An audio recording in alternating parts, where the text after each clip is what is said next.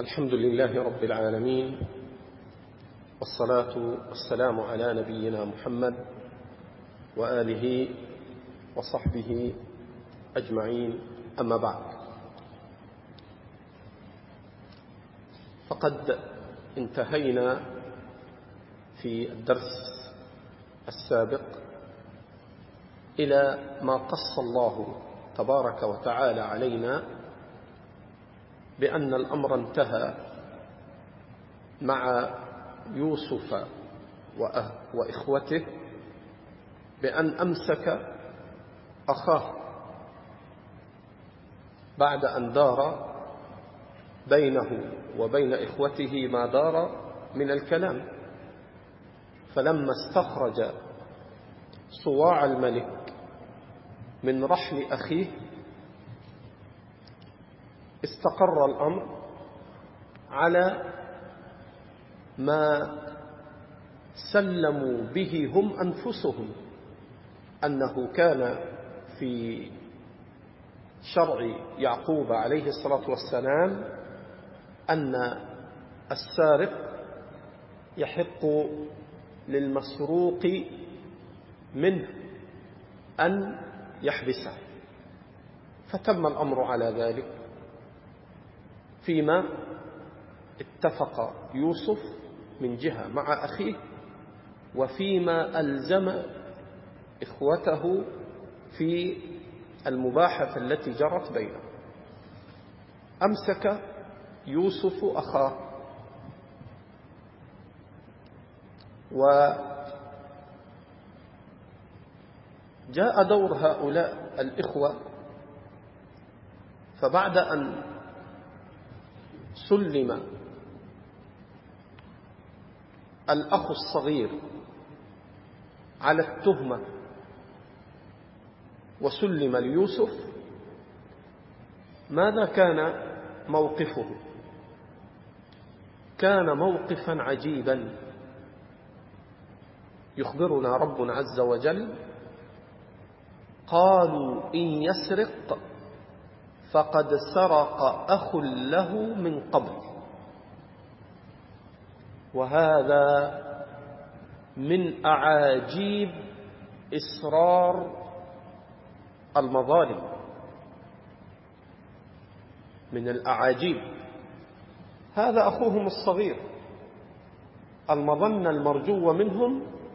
أنهم كانوا يدافعون عنه كما دافعوا على عن أنفسهم حين أذن المؤذن أيتها العير إنكم لسارقون قالوا وأقبلوا عليهم ماذا تفقدون قالوا نفقد صواع الملك ولمن جاء به حمل بعير وأنا به زعيم قالوا تالله لقد علمتم ما جئنا لنفسد في الأرض وما كنا سارقين لما جاءت التهمة عليهم دفعوها بقوة فلما جاءت التهمة على أخيهم الصغير أغروا به الحاكم وأغروا به يوسف ودفعوه على أن يقتص منه قالوا إن يسرق أخونا هذا الولد الصغير فقد سرق أخ له من قبل يعني نعم يمكن أن يسرق له أخ سارق فهذا الصغير تأثر من ذاك إذا رموا يوسف بالسرقة وأغروا يوسف الحاكم العزيز كما سيأتي أغروه على أخيه مما يدل على أن الحسد قد تملك منهم تخلصوا من يوسف والآن أيضا جاءتهم فرصة فأغروا الحاكم أغروا عزيز مصر يوسف عليه الصلاة والسلام أغروه على أخيه قالوا إن يسرق فقد سرق أخ له من قبل سرق أخ له من قبل ما قالوا إن يسرق فقد سرق من قبل كان سياق الكلام لو يريدون أن يثبتوا التهمة على أخيهم يقولون نحن نعرف أخانا أنه حصل منه ماذا سرق من قبل لكنهم عجزوا أن يثبتوا على أخيهم الصغير أنه حصل منه سرقة قبل ذلك ما سرق أصلا فعابوه بأن أخاه قد سرق وهذا هو تلمس الظالم العنة لغيره يبحث عن أي مدخل ليوقع غيره في العنت وأما من كان تقيا فإنه متى رأى من أخيه عثرة سترها من ستر مسلما ستره الله في الدنيا والآخرة ولذلك الستر على عباد الله من النعم فهو لم يسرق من قبل فأغروا به عزيز مصر أخاهم يوسف وهم لا يعرفونه قالوا قد سرق أخ له من قبل يقصدون أن يوسف سرق من قبل فأصرها يوسف في نفسه ولم يبدها لهم قال أنتم شر مكانا لما اتهموا يوسف بالسرقة فأضمر كلاما في نفسه ولم يسمعهم إياه ما هو الكلام الذي أسره يوسف في نفسه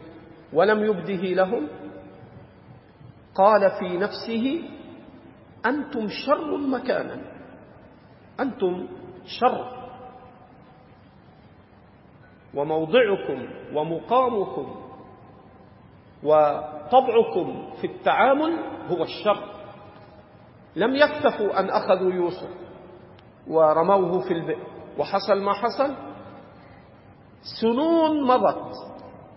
وما زالوا إلى الآن في قلبهم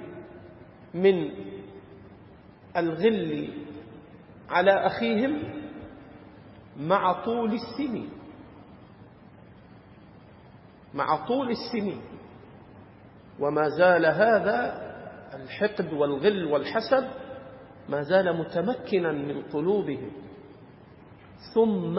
وفقوا للتوبة كما سيأتي معنا حاسد إذا تمكن منه الحسد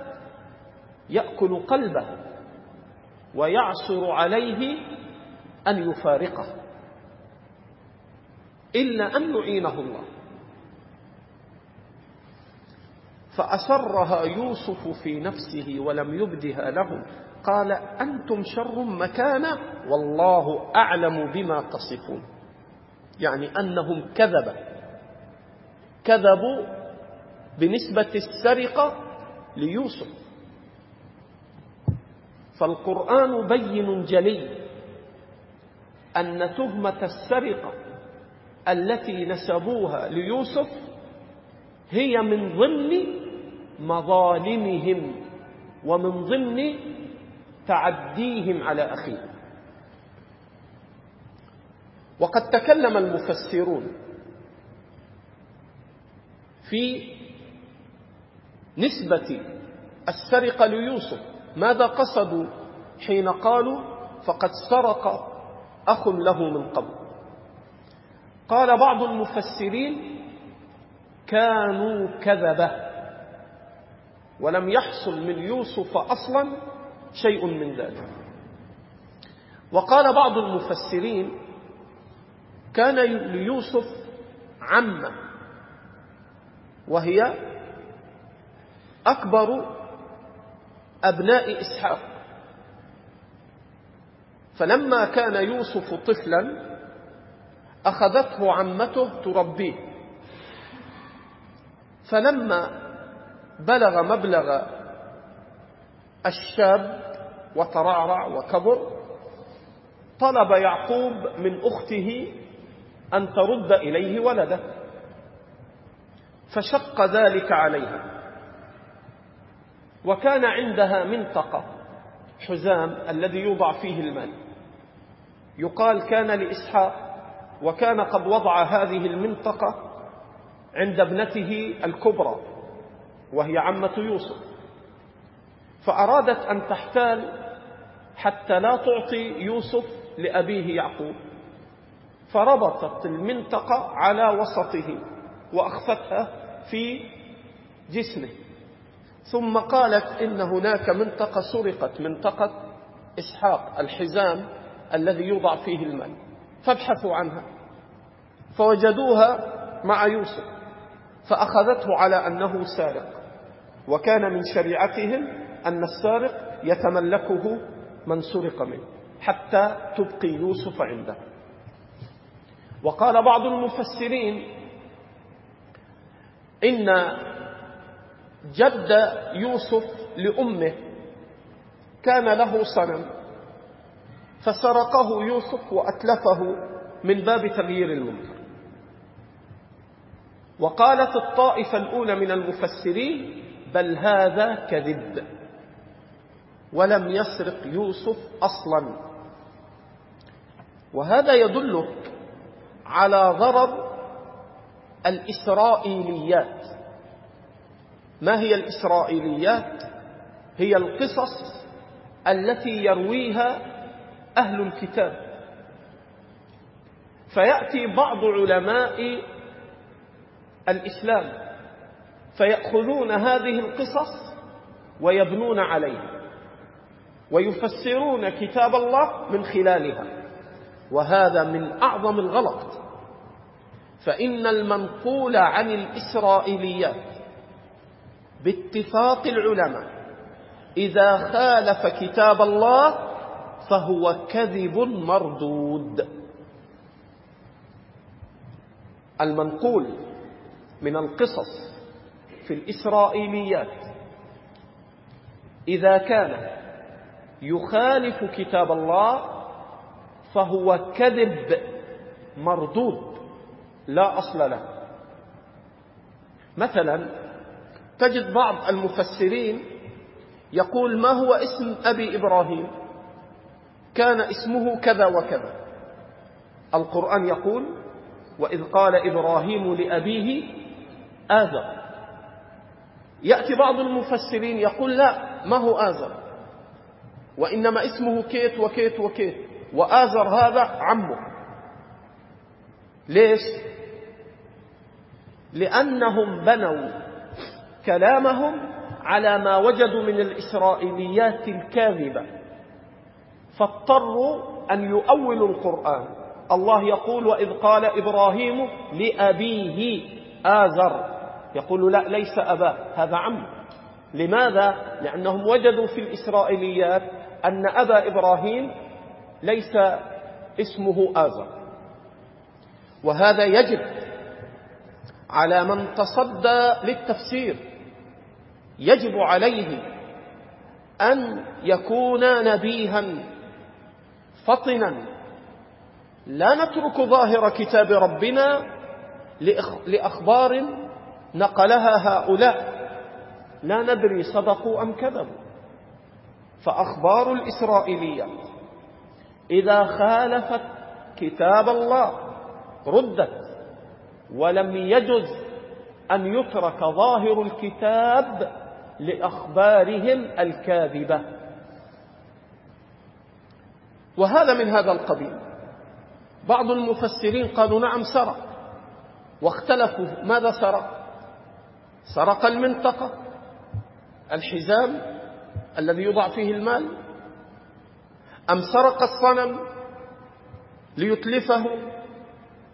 لا هذا ثابت ولا ذاك والقرآن يكذب هذا فإن يوسف حين اتهم بالباطل قال أنتم شر مكانا وقال والله أعلم بما تصفون أنهم يصفون الكذب فدل كتاب, كتاب الله على أن تهمة السرقة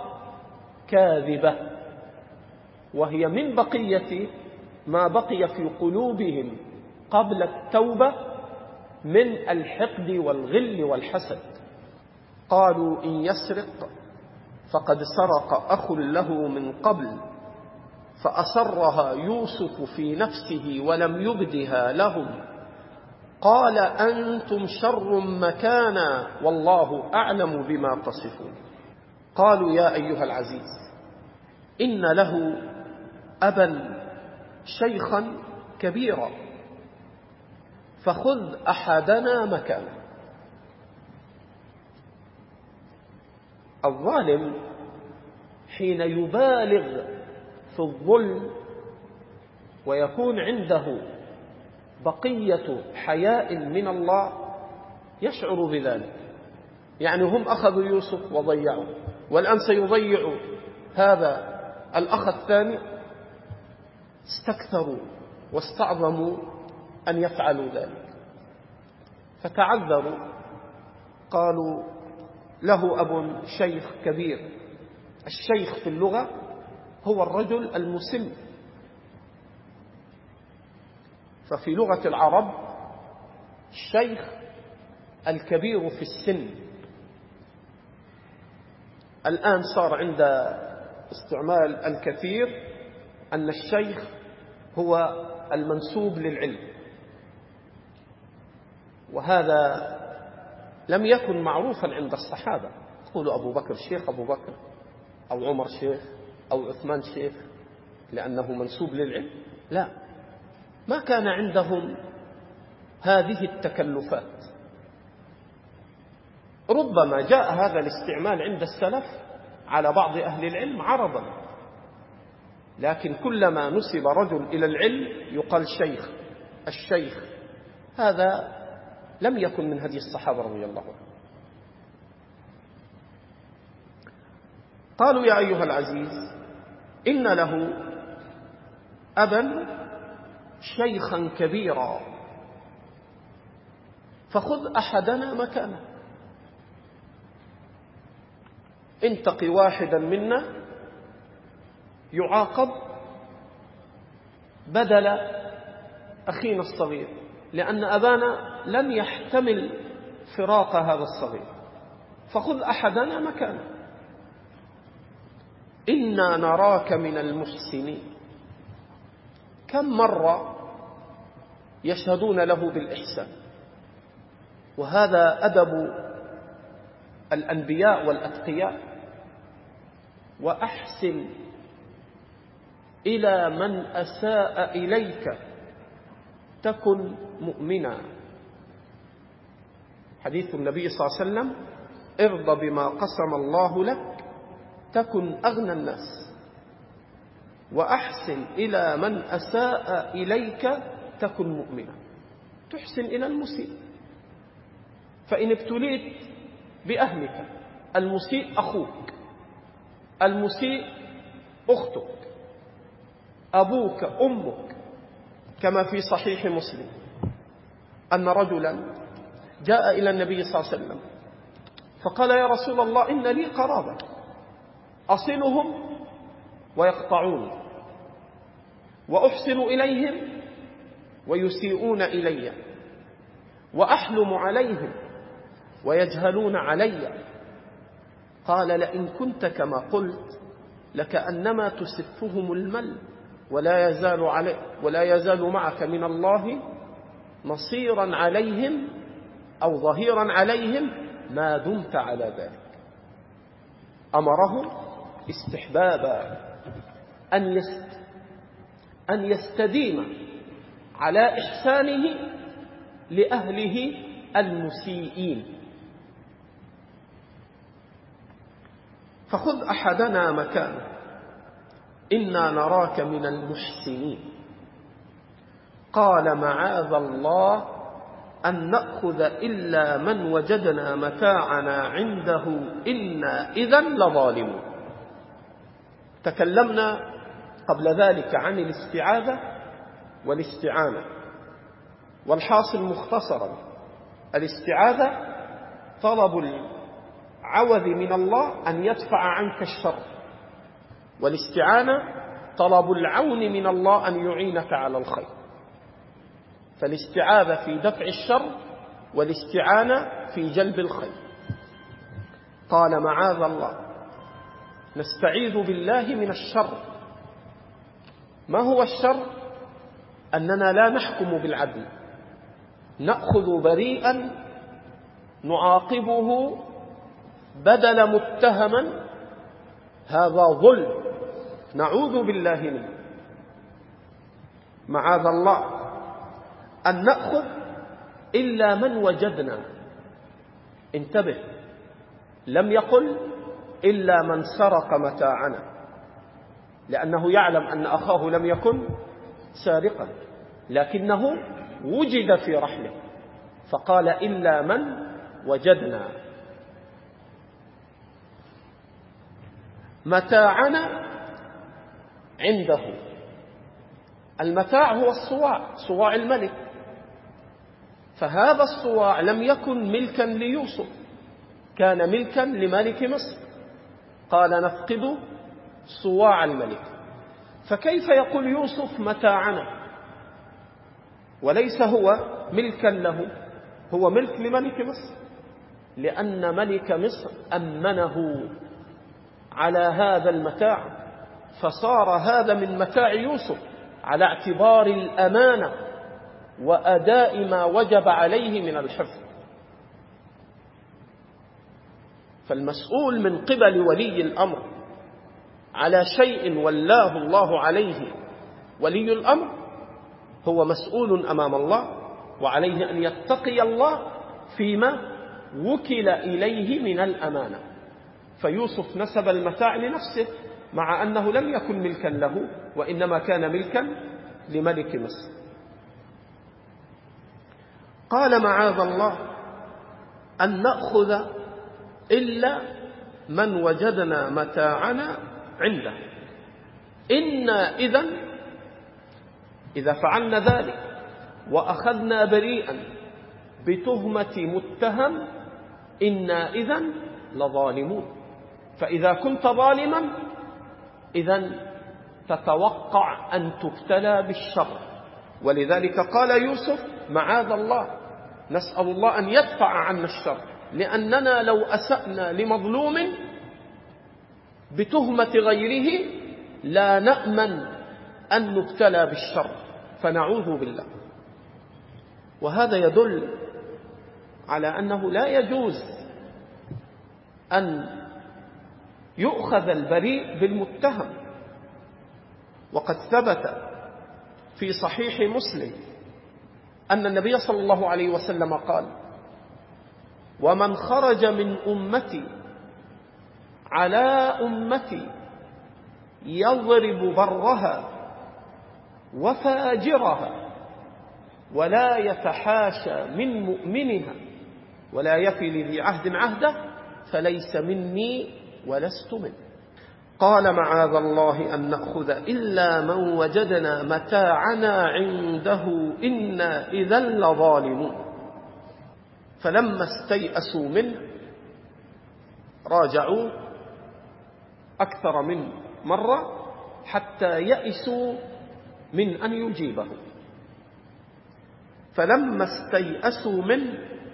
خلصوا نجيا انفصلوا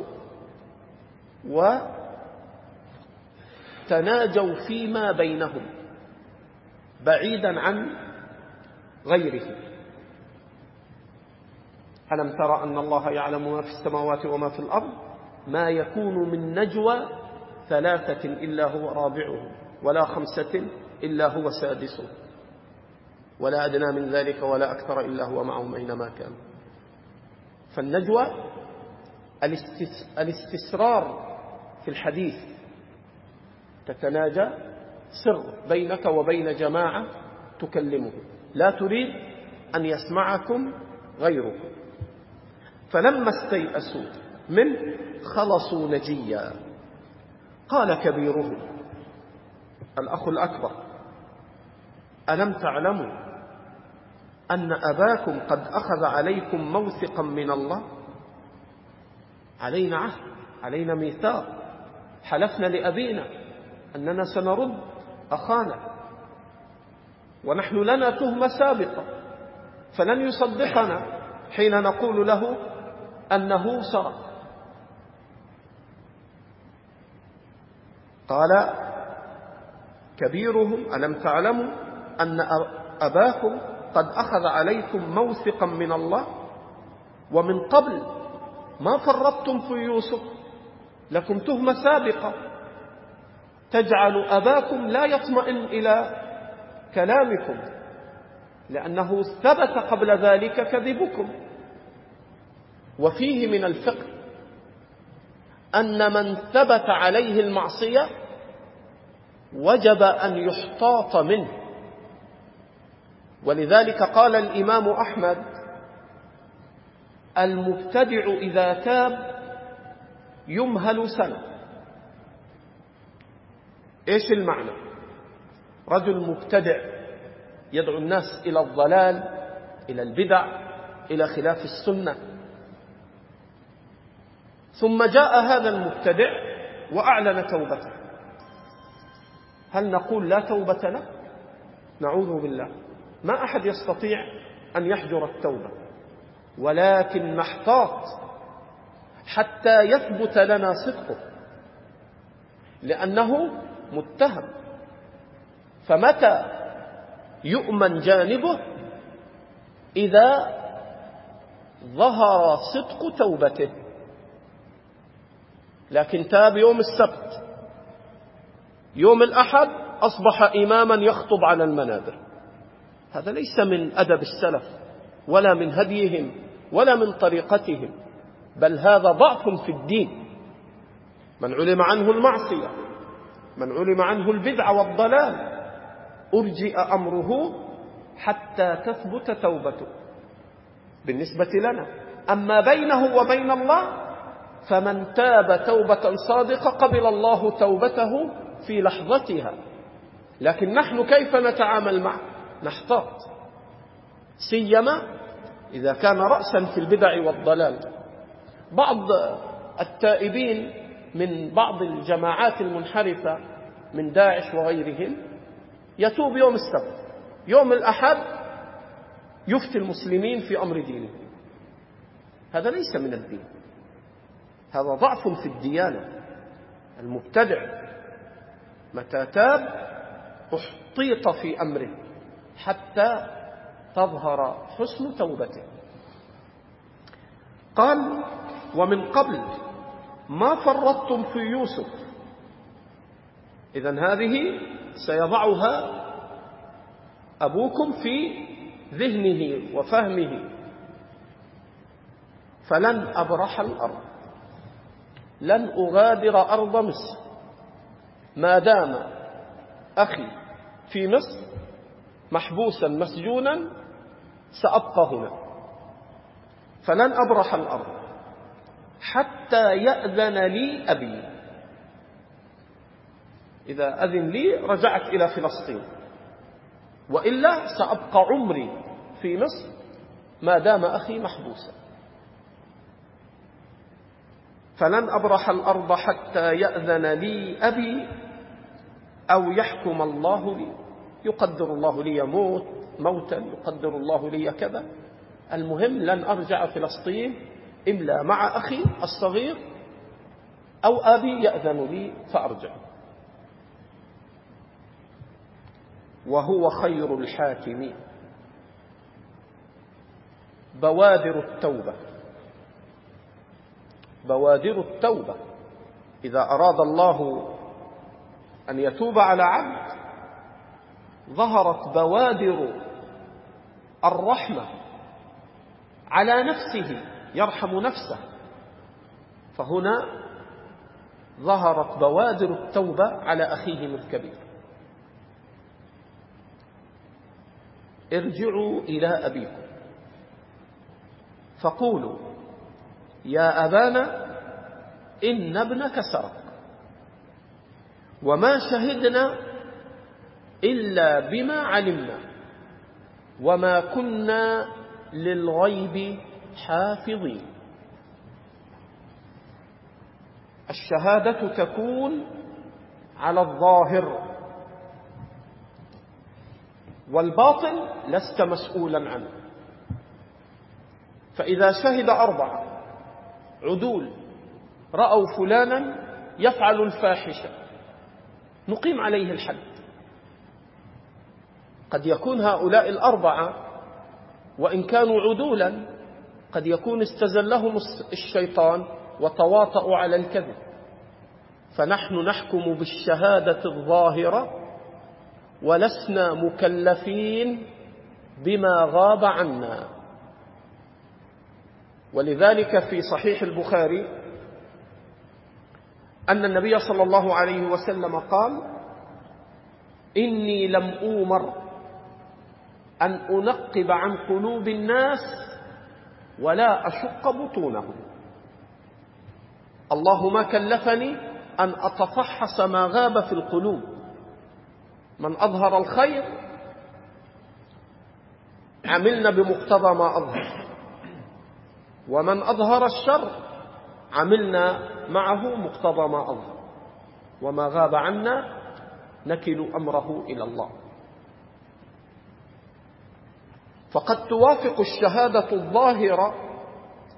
قد توافق الباطل كأن يشهد أربعة على فلان بأنه فعل الفاحشة ويكون في الباطن فعلا قد فعل الفاحشة وقد تخالف الشهادة الظاهرة تخالف الباطن فلسنا مكلفين بذلك فإذا شهد هؤلاء الأربعة قد يكونون تواطؤوا عن الكذب ليس محالا أن تفسد ذمم أربعة رجال كانوا عدولا فتفسد ذممهم ويتواطأ على الكذب ولكن أحكام الشرع بالظواهر وليست بالظنون والتكلف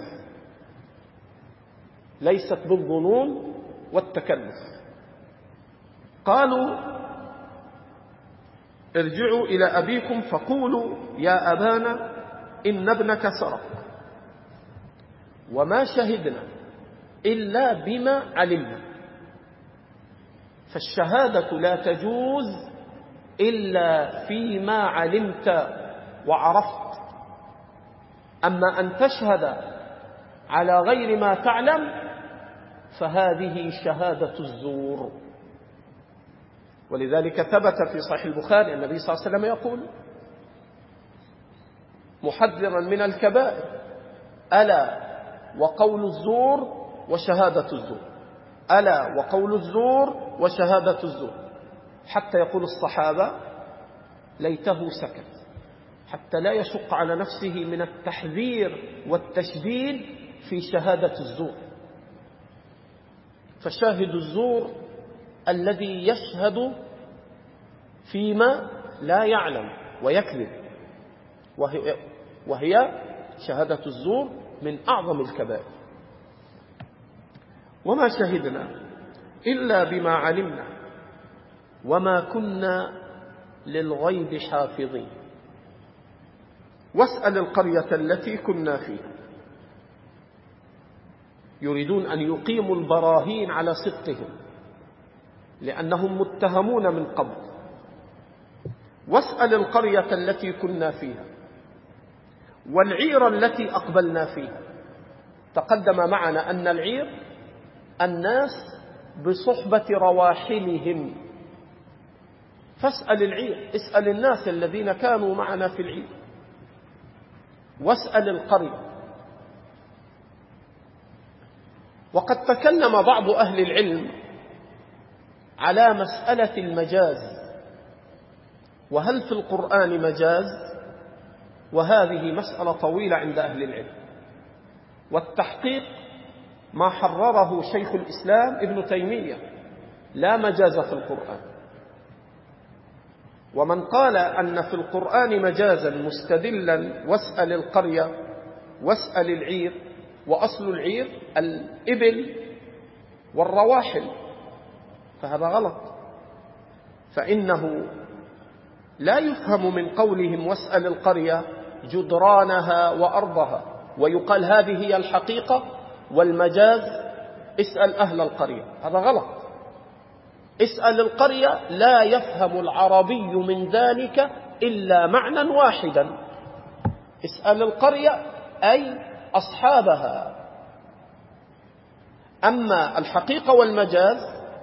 فهناك معنيان تقول رأيت أسدا فقد يكون قصدك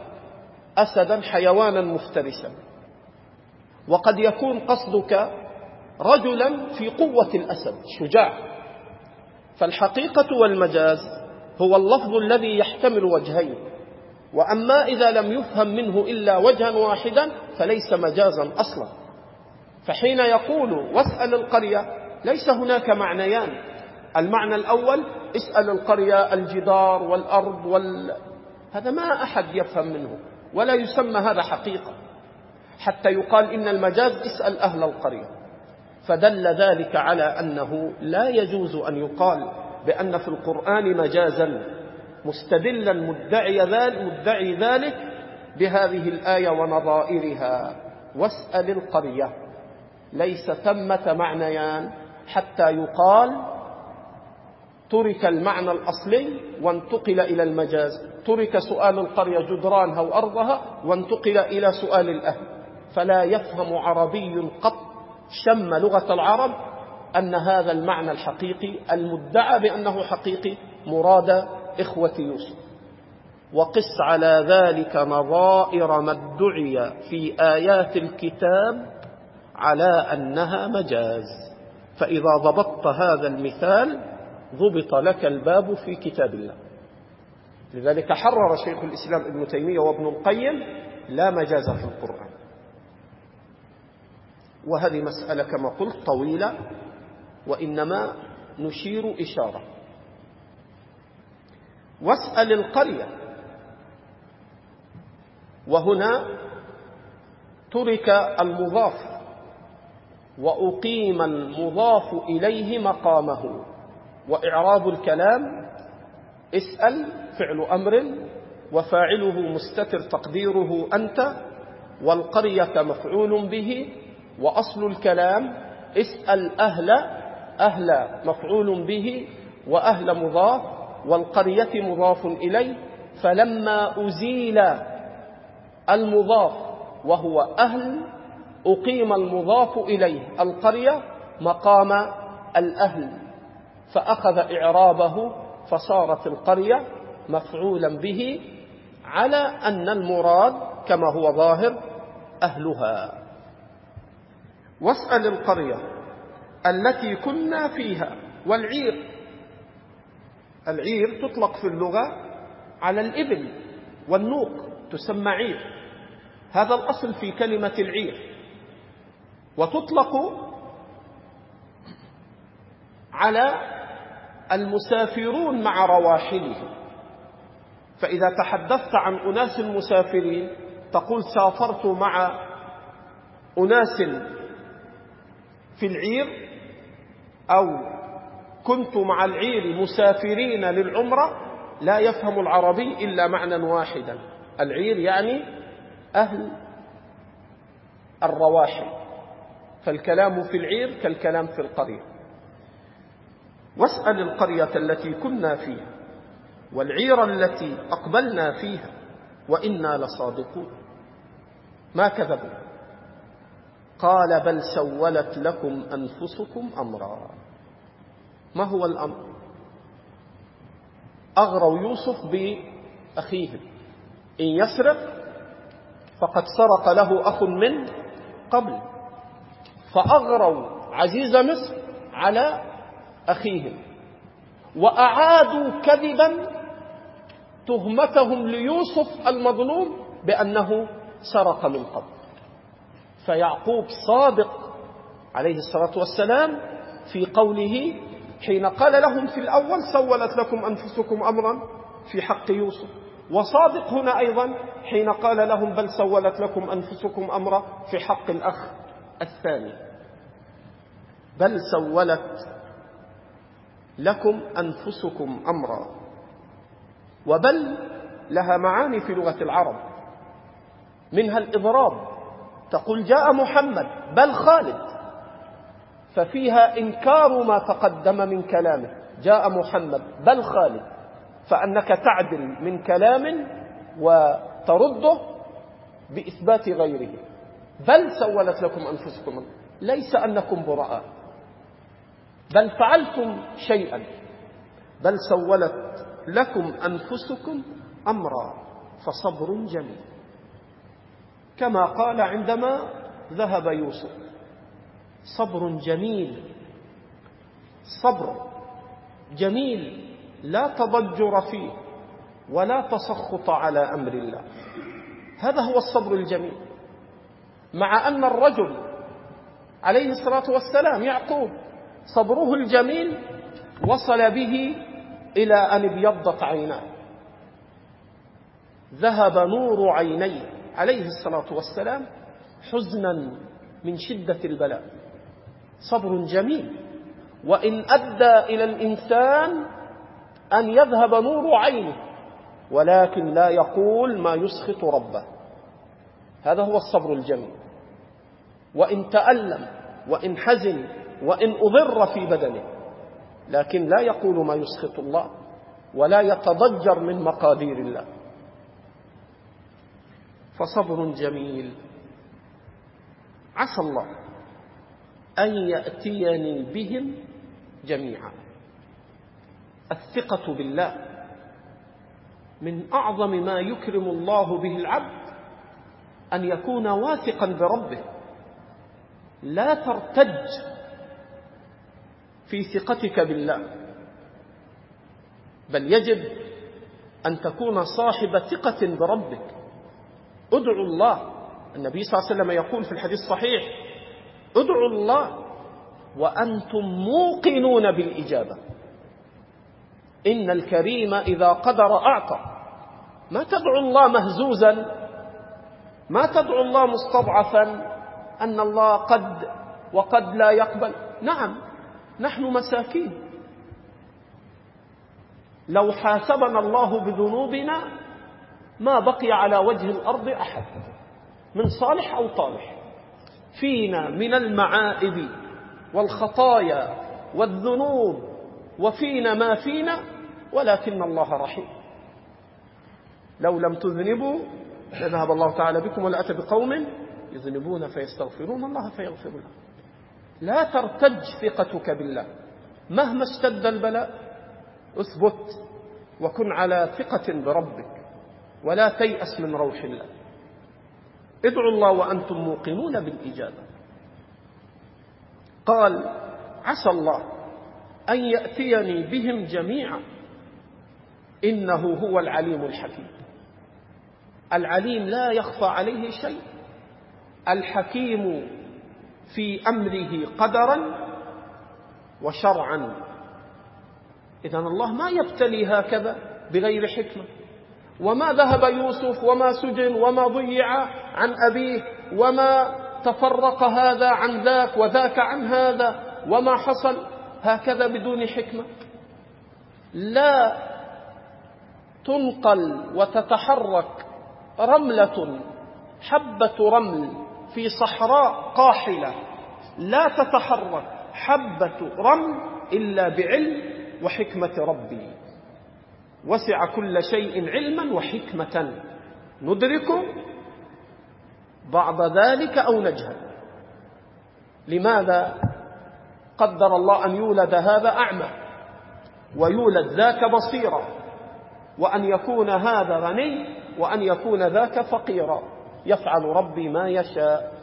حكيم عليم في أمره تشريعه في الحلال والحرام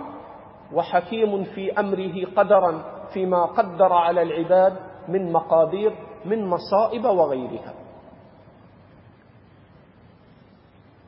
عسى الله أن يأتيني بهم جميعا إنه هو العليم الحكيم وتولى عنهم وقال يا أسفا على يوسف تولى عنهم اعتزلهم وفيه اعتزال الإنسان إذا ظهر منه ما يدعو أن يتولى عنه فنقف هنا إن شاء الله